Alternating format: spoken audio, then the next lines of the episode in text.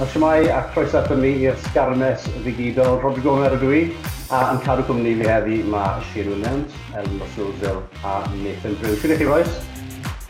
Diolch. Good, diolch. Ti'n fawr moustache, Brewy? Ie, yeah, mae'n dod yn gret at ti'n er, bwy'n deg. Ar ôl ti a blwyddyn, o tafi fe, yna, da Head start am November Challenge. Mae angen head start ar fi a Shane, dwi'n credu. Ie, eisiau blwyddyn hanner dy fi, fi'n credu. Wel, dys i sbonio chi'n fach wrth i beth yw'r um, beth yw'r rhaglen yma. Uh, Bydd yna'r gyfres bach o raglenni digidol ar Esbrec uh, dros yr wythnosau nesaf. Yn dadansoddi rhai o gemau uh, rhyngwladol Cymru yn ystod yr hydre. A ni'n dechrau heddi wrth gwrs gyda um, cyhoeddiad uh, Wayne Pivac ddoe, nath e, nath e gyhoeddi i garfan ni ar gyfer gemau'r hydre. Um, cwpl o'r penawdau, saith chwaraewr uh, newydd yn y garfan, uh, Kieran Hardy, Sam Parry, uh, Johnny Williams, Lewis Rhys Zamet, Calvin Sheedy, Iwan Lloyd, Josh McLeod. Fi'n gweud chwaraewr newydd, chwaraewr sy'n heb eto cael, uh, cael ei capio. Os gael ddechrau falle gyda ti, Elinor, um, gan y tir brains ar beauty, um, mas o'r pedwar, pedwar yn ni. Um, be wneud di o'r, uh, or garfan yma? Fi actually meddwl bod e'n garfan eitha cyffroes. Mae dy ti yn amlwg y rai profiadol, y rai sy'n wastad yn mynd i cael ei ddewis mewn na. Ond wedyn mae wedi cymryd bach o risg ar rai, wel fi'n siŵr os mae'n risg, ond ti'n risg ar yr um, yn rhyngwladol. so ni wedi gweld nhw mae dy ti yn bersonol fel chwaraewraig um, Bryste, fi'n rili really falch i weld Sidi mewn na a Johan Lloyd. O'n i'n darllen ddoi Johan ddim yn disgwyl y galwad o gwbl. Tewa, mae si falle wedi bod bach mwy um, yn yr, yn yr siawt yn dyfe, ond um, Johan yn gweud bod e'n really sioct i gael y galwad, so fi'n really edrych mlaen i weld nhw'n nhw doi yn, yn chwarae. Ie, yeah, mae'n bach o garfan arbrofol Shane, ond wedi gweud hynny, mae, ma Wyn Pibac, mae gyda fe rhyddid nawr, actually, i arbrofi gyda'r uh, gemau yma yn yr hydre. Ie, yeah, i fi, ti'n fe fe'n bron dim byd i colli fi'n credu, achos, ie, yeah, mae ma, ma, chwech, chwech glad o hanol y tro hyn, yn dwi? Uh, dim wedi gwneud rhy dda mewn na. Dim y dachrau oedd Wayne Pifac y moyn. Ond nawr mae, mae, mae, mae cyfle dy fi nawr i defnyddio boes sydd yn wario dda i clwbiau uh, a'r rambarth. Twyd, um, neis i weld chwaraewyr fel uh, Lewis Rhys Amit yn mewn. Uh, wrth gwrs, si di ni'n rhaid e siarad amdano fe. Mae'n cymysgu pethau lan. Ie, yeah, mae profiad yn dal dyn ni. Mae'r ma, ma sheriffs yn dal na, mae Alwyn Jones yn dal yn y calfan, wrth gwrs Uh, Nick Tompkins gobeithio cymeru'r fform o'r dreigiau mewn i'r Calfan Gymru. Ond mae boys ifanc yn dod trwy hefyd. Ti'n y Lloyd sydd sy wedi dod mewn o, o Bristol hefyd. So mae'n cymysgu pethau lan, a fi'n eitha excited i weld y boys sy'n cael y cyfle. Mae rhaid nhw cael y cyfle hefyd, achos yeah, mae ma Lewis Rhys Amy wedi bod mewn y calfran, bum cael un munud o rygbi. Mae'n yeah. ffili aros mynd nawr. Mae'n wario dda i Gloucester, so mae'n mae'n mae mae'n mae'n heiddi cael y, y cyfle i cael y dewis a dechrau gêm i gobeithio. Mae'n brwy, ysfau ofyn i ti, myty, um, y safle yna, mae ma Eleanor Eisios sydd wedi gwneud ymty uh, Callum Sheedy yn cael ei ddewis. Mae wedi bod yn falle safle uh, problematic, uh, yn wedi gyda uh, Gareth Anscom, mae wedi clywed heddi yr allan falle am flwyddyn arall. So, mae angen adladu chi'n bach rhagor o ddyfder yn y safle yna. Cwbl o chwaraewyr falle'n anlwcus, rhywun fel uh, Jared Evans a Sam Davis yn anlwcus i, i golli allan. Ond mae Callum Sheedy wedi profi really, bod e yn barod i, i gamu lan i'r safon uchel gyda Bryster.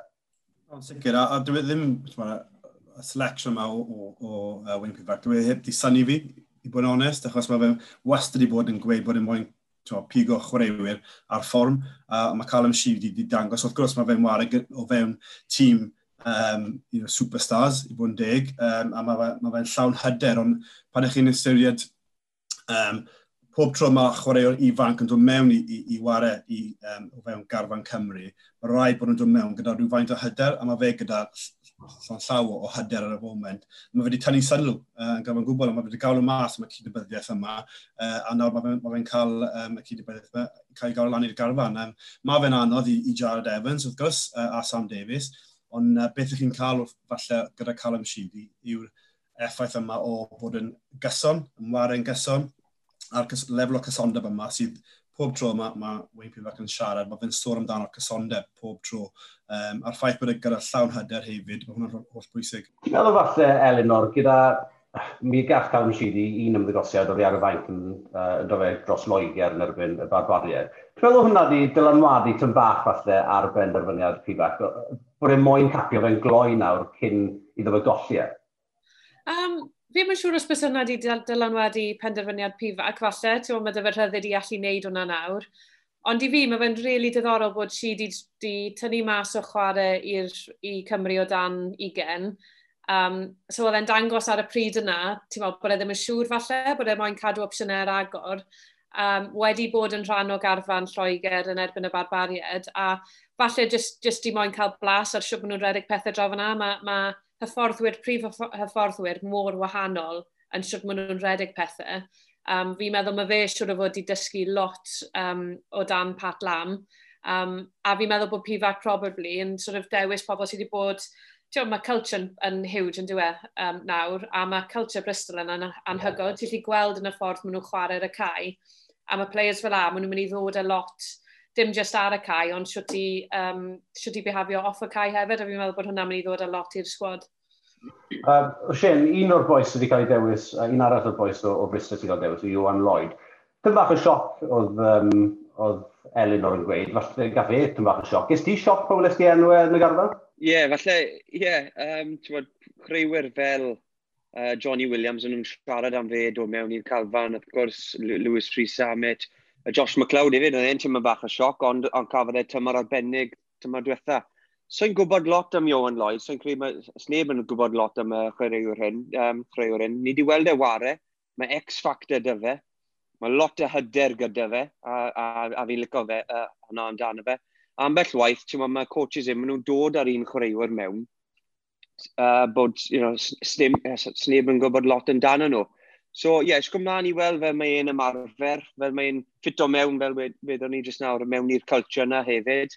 Um, a falle, os mae'n ymarfer dda, a mae'n dangos i Wayne Pivac bod e'n moyn bod yn y tîm Cymru yna, geifau e cyfle. So, ie, yeah, ysgwm mlaen i, i weld e. Sneb i wedi siarad lot amdano fe.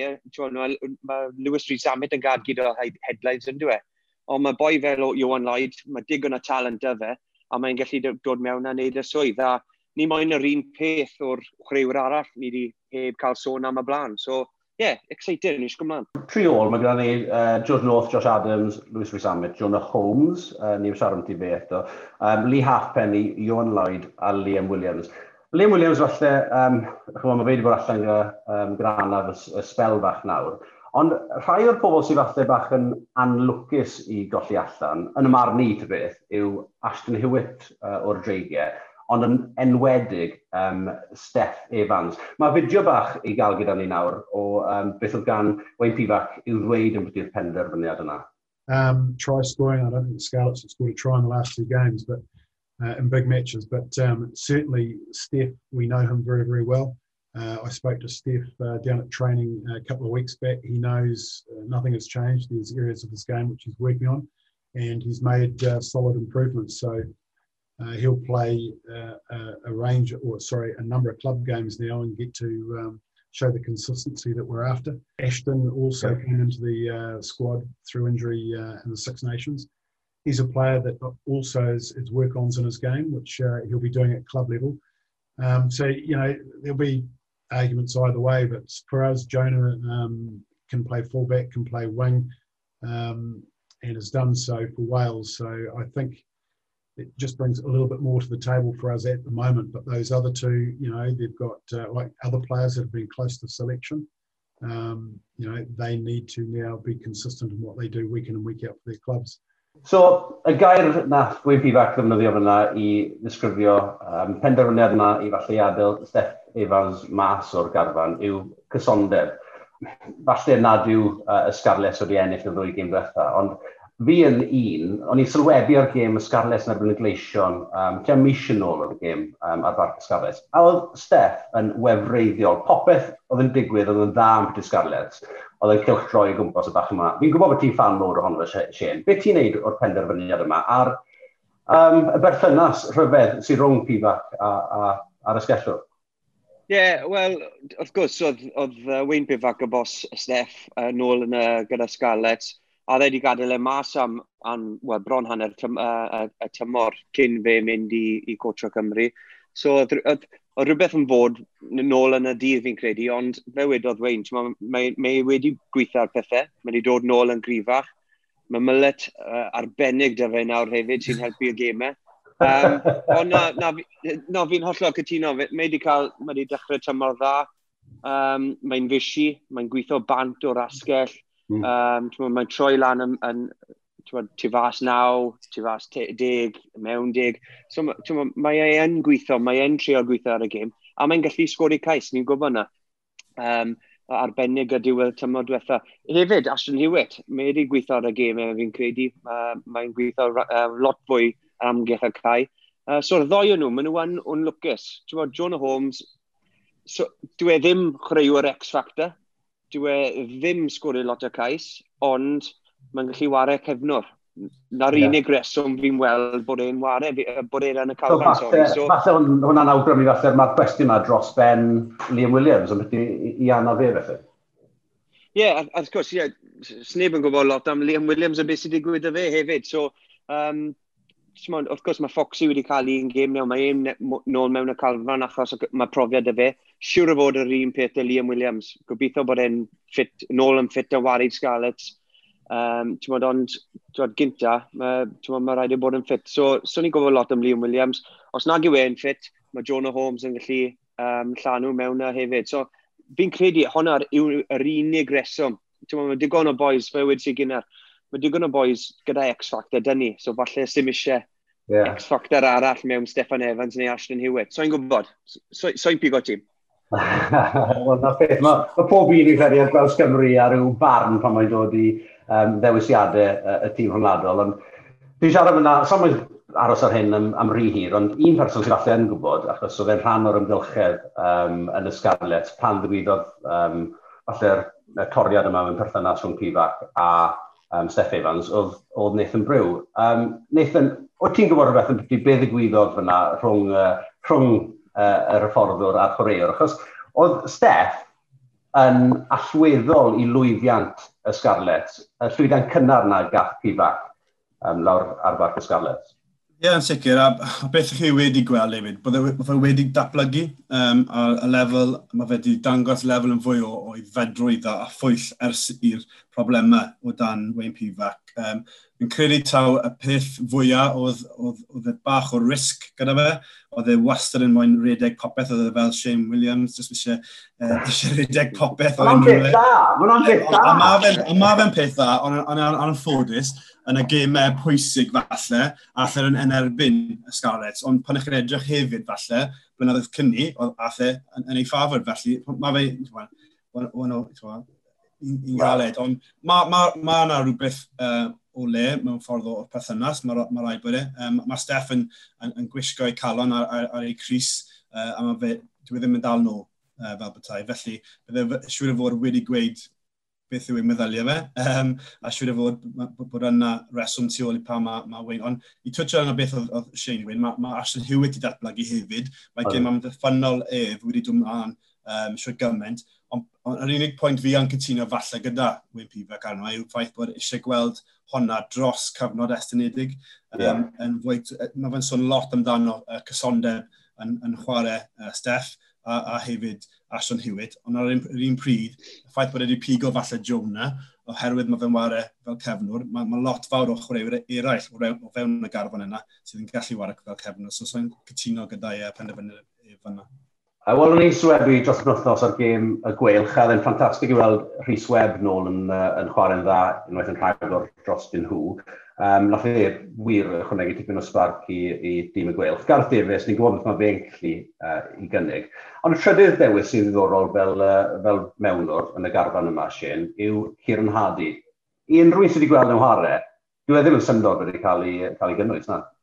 Na, look, twa, dim sioc o gwbl i fi. Um, wrth gwrs, siomedig bod Thomas yn mas achos mae'n mae clas hefyd wrth gwrs, ond na beth sy'n digwydd yn, yn, yn rygbi, ti'n os, os yw'n mas gyda anaf, mae rhaid o dewis rhywun arall. A Cyr Hardy, fi'n just joio weld e ware. Mae'n rhi math o chreuwr yn y beth mae Gareth Davies, ti'n mynd, mae'n ffeisti, mae'n lico cael run, um, ti'n mae'n uh, mae gloi cael y bel tu fas o sgyrmes. Um, a mae'n dod o'r, or, or scala tefyd. Maen nhw'n tyfu nhw dda lawr myna, dyn nhw, mewnwyr. So, um, yeah, dim sioc o gwybod, mae, mae talent y fe. A hefyd, fi'n credu bod e'n pwysio Gareth Davies i bod y, y, y first choice de lawr yn y sgalet. So, um, na, mae hi wedi cael y cyfle falle. A gyda'r profiad o Rhys Webb a hefyd Gareth Davies gyda fe, mae'n mynd i dysgu lot.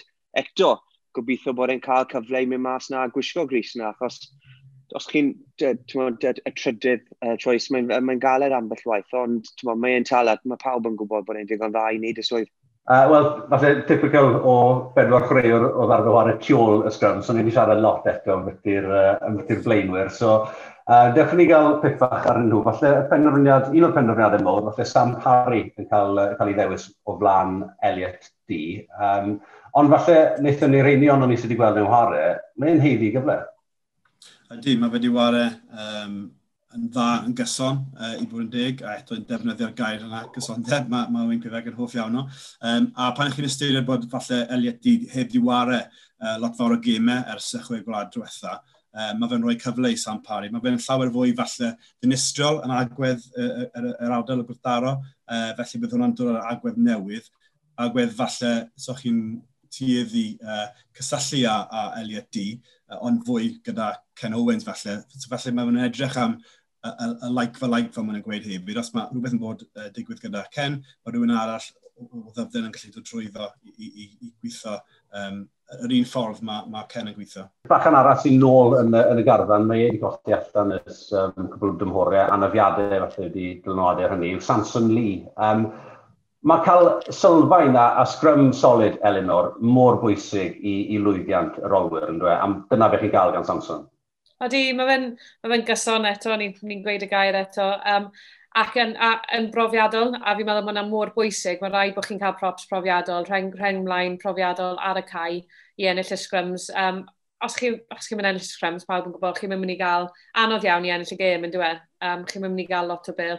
Ni wedi newid rheolau ni, a fi'n meddwl bod nhw wedi dechrau dod o fe mewn i, i gêm y dynion. Fi'n gwybod os bydd y uh, gemau rhyngwladol yn chwarae hwn. Ond maen nhw'n trio lleihau lot o'r ysgrym, so o'n i'n meddwl, o'n i'n edrych mlaen i weld os bys hwnna'n dylanwadu y fath o props maen nhw'n ei ddewis, os oes yna llai o bwysles ar y sgrums, yeah. mwy ar um, gêm agoriadol a, a tiwod, y, y, y pel yn fyw lot fwy. So, bydd e diddorol gweld os mae hwnna'n aros a mae'r rheol yna'n dod mewn i chwarae, siwt mae'r ma props maen nhw'n dewis yn newid. Uh, Wel, mae'n rhaid o'r garfan, um, mae'n edrych fel bod nhw wedi mynd am bimp blan um, mawr. Maen nhw'n mynd am boes fel Jake Ball, uh, dyw Adam Beard, sy'n lle gael i, i Adam Beard, ond uh, Will Rowlands yn fachan arall hefyd sy'n sy mynd i ddod â um, lot o bwer falle'r pimp blan yna. Ond y rheng ôl nawr, dyfwn ni cael clip bach. Mae'n mae un safle fi'n credu, um, well, un ardal o'r ca lle ni yng Nghymru mor lwcus. Mae'n gymaint o ddyfnder gyda ni, um, Shane. A bachan i fi'n teimlo sy'n wir yn heiddi cael ei gyfle. Um, ar drail, uh, falle, James Davis un arall o'r Scarlett, yw, yw Josh McLeod, a mae e wedi bod yn gyson ers cwpl o dymhorau nawr. Ie, yeah, uh, yeah, dim lwc yw e bod e'n yn y calfant, ond fi wedi sylweddau sawl waith nawr, tymor, uh, diwedd y tymor diwetha, sori, ie, yeah, tymor diwetha a tymor hyn. Um, ydy, mae wedi bod arbennig. Mae'r ma, ma, ma, ma statau trwyddo'r uh, trwyddo to, mae'n gweithio mwy galed a mae'n gwella pob tro mae'n warau. A cwpl o weithiau mae disgybliaeth yn gadael e lawr, ond mae'n ma, byw ar yr edge fel maen nhw wedi. Mae'n ma, ma, wastad trial troi y, y, y bel rownd. Dwi'n mynd, dim yn taclo um, fel oedd e'n taclo tymor diwetha. Mae'n aros am y taclu mewn a wedyn mynd mewn, mewn a trial troi y bel So mae'n mae cymysgu'r y, y ffordd mae ein wario nawr hefyd. A mae wedi bod arbennig i'r sgalet. so chwarae e, y teg mae'n heiddi cael a dewis ymlaen cybi boi, achos dyw cybi boi Cubby Boy ddim wedi ware lot hefyd. So, na, na beth mae rygbi ryngwladol, bod, os chi'n cael y cyfle a tro chi yw e, cymerwch e. So, gobeithio bod e, mae'n mae, yn y calfan, ie, yeah, mae'n ymarfer dy boys, ond mae'n mae joio'r profiad, a mae'n cael y cyfle i mynd mas na Uh, a, a dechrau felly, achos mae'n mae, cystadlu gyda cwpl o chwaraewyr arbennig ar yr engol yna. So, um, isgo mlaen, gobeithio bod e'n cael y cyfle, gobeithio bod e'n cael cyfle i mynd a, a profi beth mae'n gallu gwneud i ysgaled. O ran y gêm yma sy'n dod lan nawr, boys, um, sio chi'n gweld y mynd? Chi'n chi edrych lan? Fe hyderus, i bod onest, gyda pan chi'n edrych ar, ar y chwaraewyr sydd wedi cael eu pigo, mae yna ma, ma, ma digon o chwaraewyr i, i ddisgleirio uh, digon o, o cyfle iddyn nhw hefyd digon o gemau yn dysau. E? So uh, mae'n edrych mlaen i bod yn uh, tipyn, uh, tipyn o, o, o cyfnod. Wel, i, i Wayne P. Fac, mi eisiau ennill gemau.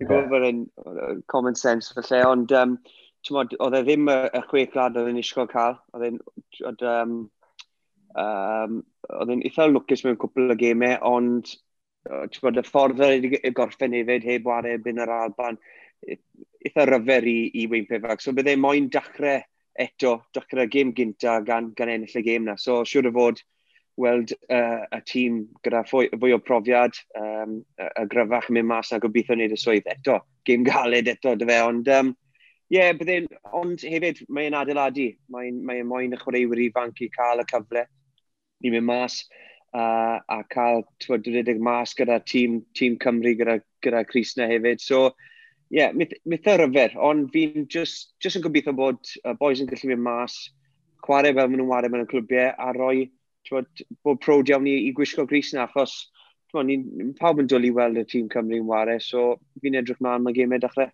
Fi'n rhoi chi gyd o'r ysgot nawr, yn dechrau gyda ti, Elinor. Uh, Dwi'n sa un chwaraewr ti'n gyffroes iawn i weld yn chwarae uh, yr hydre yma. O, mae rhaid i fi fynd am Callum Sheedy. Fi wedi bod yn gwylio fe wrth pob wythnos yn chwarae i brystau. Mae fe, mae dy fe gymaint o composure ar y pêl, ond mae dy fe gymaint o amrywiaeth i gemau. Mae fe'n cico, mae fe'n chwarae lan i'r llinell, mae fe'n lli rhedeg y pêl. So ie, yeah, fi'n rili really edrych mlaen. Uh, gobeithio geithio cyfle.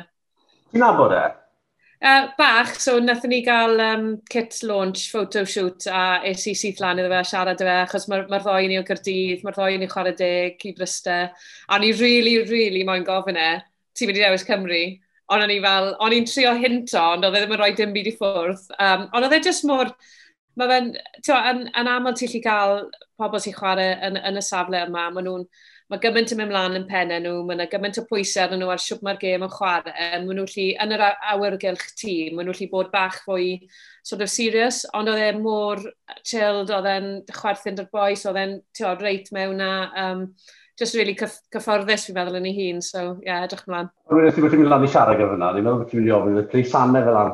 Not a good look, horror rygbi, fe sanau lawr, oedd e, oedd ie, Bach o ffobl ar ynddo e. Beth ydw'n ti'n eithaf, So ger y um, Ie, i fi, dwi'n tueddi, wrth gwrs, edrych ar, ar yr olwyr, ond um, i fi, fi'n edrych mlaen i, i, i, gweld Josh McLeod cael ei cyfle. Um, fel fi wedi sôn yn barod, mae fe wedi yn gyson um, i'r Sgales, nath ei gael 24 uh, o turnovers uh, tymor diwetha uh, y fwyaf twa, um, yn, yn y gyngor. Um, ond nid jyst hwnna yw'r gemau, mae fe'n gallu ymosod hefyd, um, a mae sgil, sgiliau gyda fe hefyd, felly byddai'n y ffordd mae, mae Wayne yn hoff iawn o warau gyda'r gym eang yma, byddai'n bydde brilliant i weld fel mae fe'n gallu trosglwyddo'r ffordd oedd gyda fe mewn i, i, i, i lefel rhwngwladol. Uh, Lewis Rhys Amit i fi, um, mae'n heiddi bod mewn y sgwad right, oce, okay, oedd e mewn y sgwad y tro diwetha, achos oedd Wayne Pifac moyn i cael y profiad gyda'r uh, chwaraewyr arall a bod yn y canran. Mae wedi wneud na nawr, so mae'n amser i, i gadael e fi'n fi credu mae'r um, mynd talent, mae'n wneud y swydd i'r gloster pob wythnos, um, mae'n llawn hyder, mae, mae pawb yn gwybod bod yr X-Factor dy fe, a mae'n gwybod bod e'n digon dda i'r gwisgo gris na nawr, so fi'n credu bod e'n barod, so gadael e mynd, gen i weld. Gwych. Wel, boes, diolch yn fawr i chi uh, am eich amser heddi. Na, mae'n addo i fod yn, yn gyfres uh, hydre.